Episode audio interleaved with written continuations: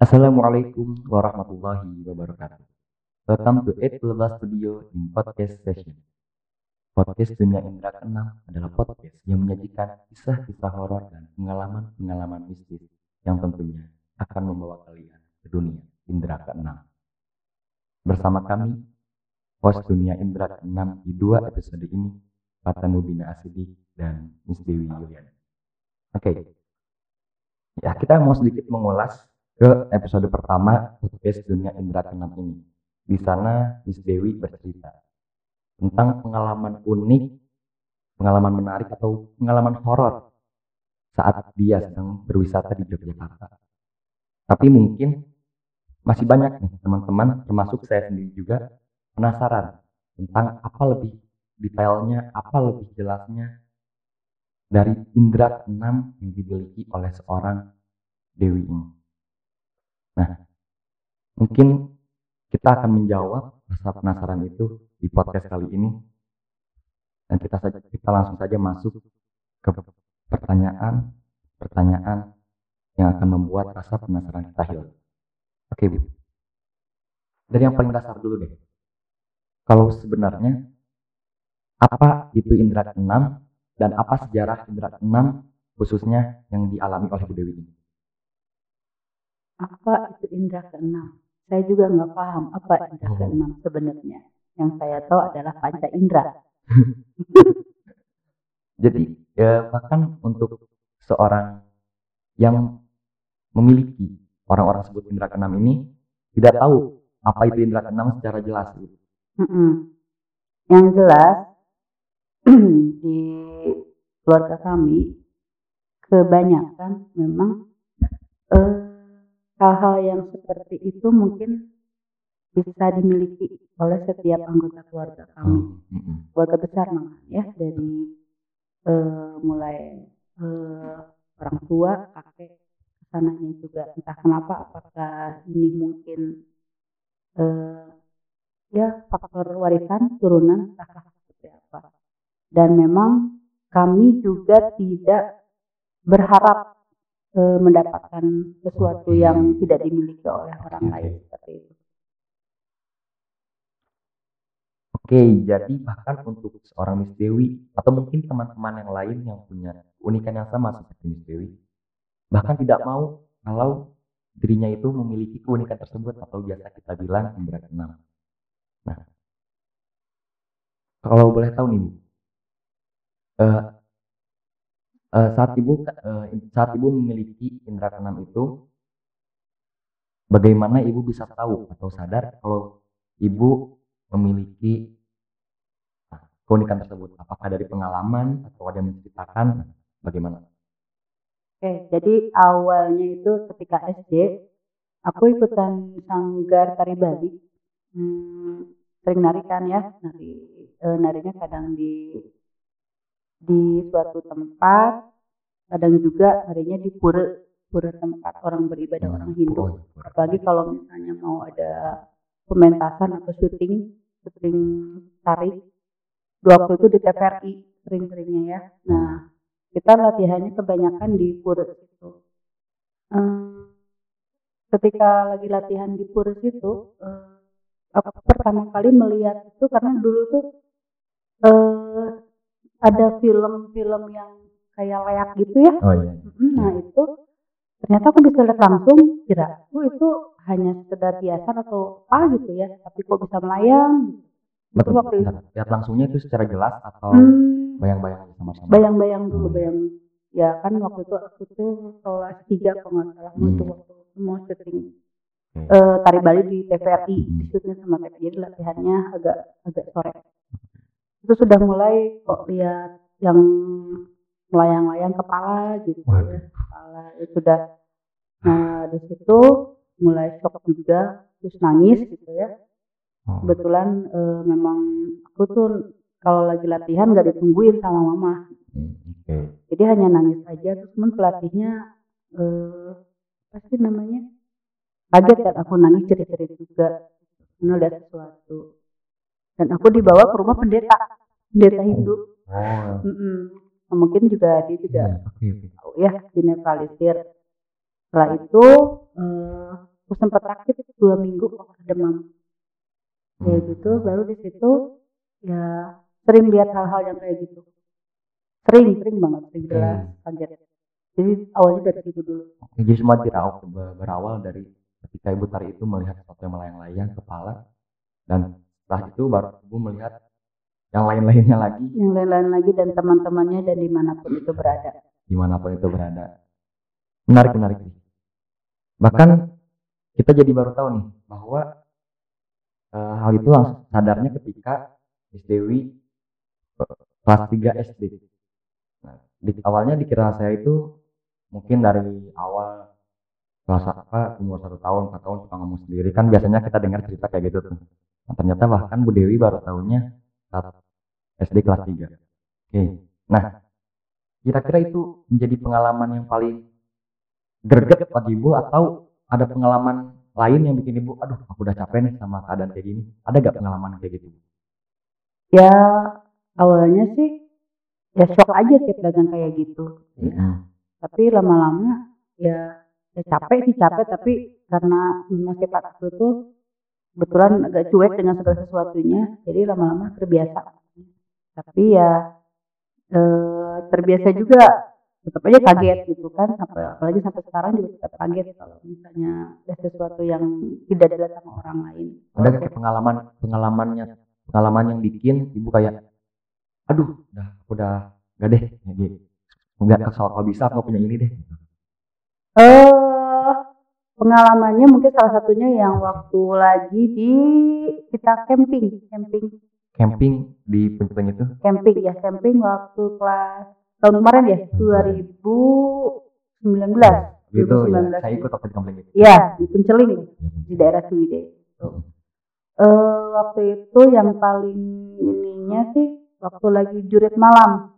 Jurit malam ketika itu kalian lagi disuruh berkelompok Mhm. untuk eh, masuk pos to pos ya nah di situ aku kebetulan suruh jaga agak jauh dari sini pos khusus itu pos khusus khusus anak-anak yang eh mungkin bermasalah yang Hmm. akan di screening nah di situ ya eh anak-anaknya kalau sebelumnya dikumpulkan tapi kita para para penjaga pos sudah menyebar ke seluruh pos gitu ya. Mm. Eh pas ketika kita lagi menunggu menunggu anak-anak kedatangan anak-anak berkelompok itu eh, aku lihat salah satu guru guru guru guru laki-laki gitu ya. Tiba-tiba dia berjalan jalan cepat begitu dan ketika aku tanya mau ke mana? Oh mau ke depan gitu. Dia jalan tanpa tanpa melihat kiri kanan. Kemudian setelah terkena eh, memang gelap di situ dan aku sudah bisa melihat beberapa ya makhluk yang seperti itu. Dan di situ di belakangnya aku lihat banyak yang mendorong gitu makhluk besar beberapa banyak banget. Dan dia didorong terus gitu sampai nggak bisa nggak bisa dihentikan. Mm-mm. aku sudah berusaha memanggil-manggil sini sini itu ada apa? Mm-mm. Eh, guru itu tetap aja jalan sampai kemudian sampai ke depan ke ujung Hmm. gerbang gerbang punceling itu. Kebetulan ada guru yang baru datang tengah malam itu dan ya eh, tertahan eh, apa sih langkahnya? Kemudian dibawa lagi ke dalam ke area perkemahan Kira-kira kalau misalnya guru itu tidak ditahan oleh temannya, apakah ada hal buruk yang akan terjadi yang menimpa guru tersebut? ya sudut karena ibu. Mhm, eh, dia menuju ke, ke jalan raya ya entah itu si makhluknya mau mau dibawa ke mana. Karena di situ juga ya seperti biasa kayak eh, pasukan berkuda gitu ya pasukan berkuda banyak Pasukan berkuda, situ. Oke. terus di situ ada yang bawa gamelan jadi eh, Oh, iya. jalan bawa-bawa gamelan kayak berharap-harap kayak gitu. Kemudian yang aku lihat juga ada salah satu murid yang tiba-tiba eh, dia nangis gitu kayaknya tapi dia nggak bisa lihat nggak bisa lihat. Taunya di situ ada sesuatu makhluk nempel di kepalanya gitu kayak gurita kalau misalnya itu anak-anak anak anak perempuan gitu loh dia Iya. nangis nangis aku nggak bisa lihat Terus aku lihat ye itu ada yang nempel nutupin mukanya gitu lah tapi ah udah amat gitu ya, udah biar aja lah biar aja dia diantar sama temennya ke ke perkemahan seperti itu. Oke, jadi ironinya di saat kondisi atau suasana yang seharusnya sepi eh, menegangkan buat teman-teman yang lain justru buat Bu Dewi itu adalah suasana yang ramai dengan berbagai makhluknya itu Ya. cukup menarik sih ya menurut saya soalnya saya nggak pernah ngerasain itu dan dan saat itu waktu itu saya ikut di camping yang punceling itu.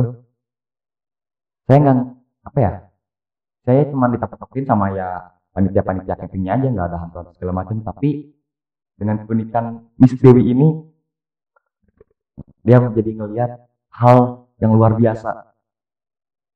Nah tadi kita sudah mendengar pengalaman-pengalaman horor pengalaman-pengalaman indera keenamnya seorang Miss Dewi ini. Nah sekali lagi nih Pak eh, Patan pengen tahu dan mungkin juga teman-teman pengen tahu selama perjalanan indera keenam ibu ini sampai dengan hari ini apa aja sih dampak-dampak yang sudah terjadi pada ibu? Dan apakah ada dampak positifnya dari hal tersebut? Hmm, sampai sekarang dampak positifnya bukan nggak ada, sedikit banget, ya sedikit banget sedikit banget. Kebanyakan dampak negatif karena hmm, apa ya menguras energi itu sangat lelah sekali kalau udah melihat hal itu karena kan makhluk itu biasanya menampakkan diri karena menarik energi kita ya kayak gitu. Jadi pasti capean eh, energinya habis. Nah, tapi kalau buat eh, orang-orang yang bisa kita bilang punya jin, punya setan atau punya peliharaan hantu kayak gitu, itu gimana sih? Sedangkan di bilang sendiri untuk melihat hal tersebut kita harus menguras energi kita. Ya makhluk itu mengambil energi kita untuk bisa menampakkan diri, Hmm, menampakkan diri hmm. eh, seperti apa yang kita pikirkan. Gitu. Kalau kayak dukun-dukun itu gimana kan? Mereka kan punya peliharaan yang bisa nah, hantu, hantu itu. Ya dibantu, dibantu sama jin, Oh, dibantu. Jadi jin dan hantu ini dua hal yang berbeda. Hantu itu nggak ada, Oh, hantu itu gak ada. ada juga jin. Jin. Biasanya jin. Oke, oke, oke. Mulai paham, mulai paham. Jadi dukun ini dibantu oleh jin untuk bisa menguasai mereka gitu ya. Iya, Oke. Oke. Nah, selain dampak ke diri ibu sendiri, bisa gak sih eh, orang-orang yang punya indera keenam ini memberikan dampak juga kepada orang-orang di sekitarnya, keluarga, atau teman-teman?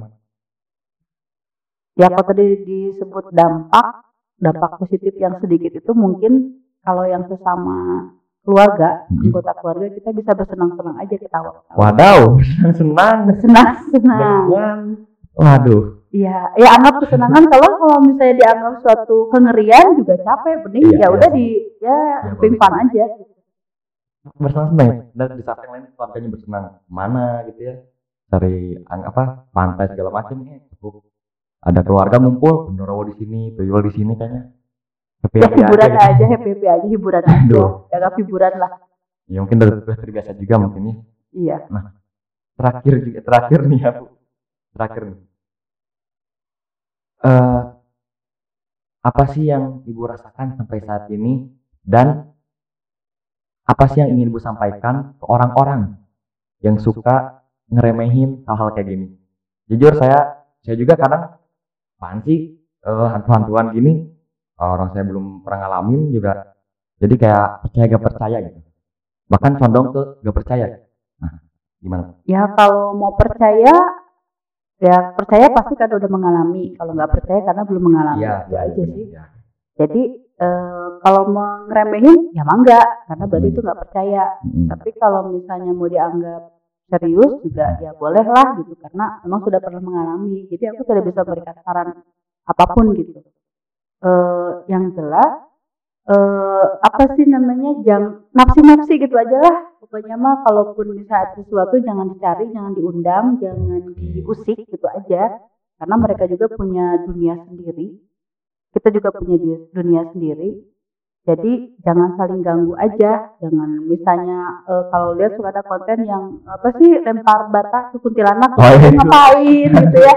Iseng banget, kasihan banget gitu kan. Jadi ya udah aja lah kalau misalnya memang kita kebetulan. Kan ibu tuh eh, yang apa secara kebetulan aja kebetulan lihat ini. Oh ya udah gitu anggap aja. Ya udah Bismillah. Ya udah baca ayat kursi aja selesai.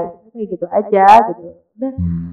jangan terlalu dicampuri lah dan mereka juga nggak akan mencampuri hidup kita kalau kita aja juga tidak membuka peluang itu aja kalau kita pengen tahu gitu bu kayak explore explore ke tempat-tempat yang angker gitu gimana dengan tujuan supaya kita bisa jadi percaya.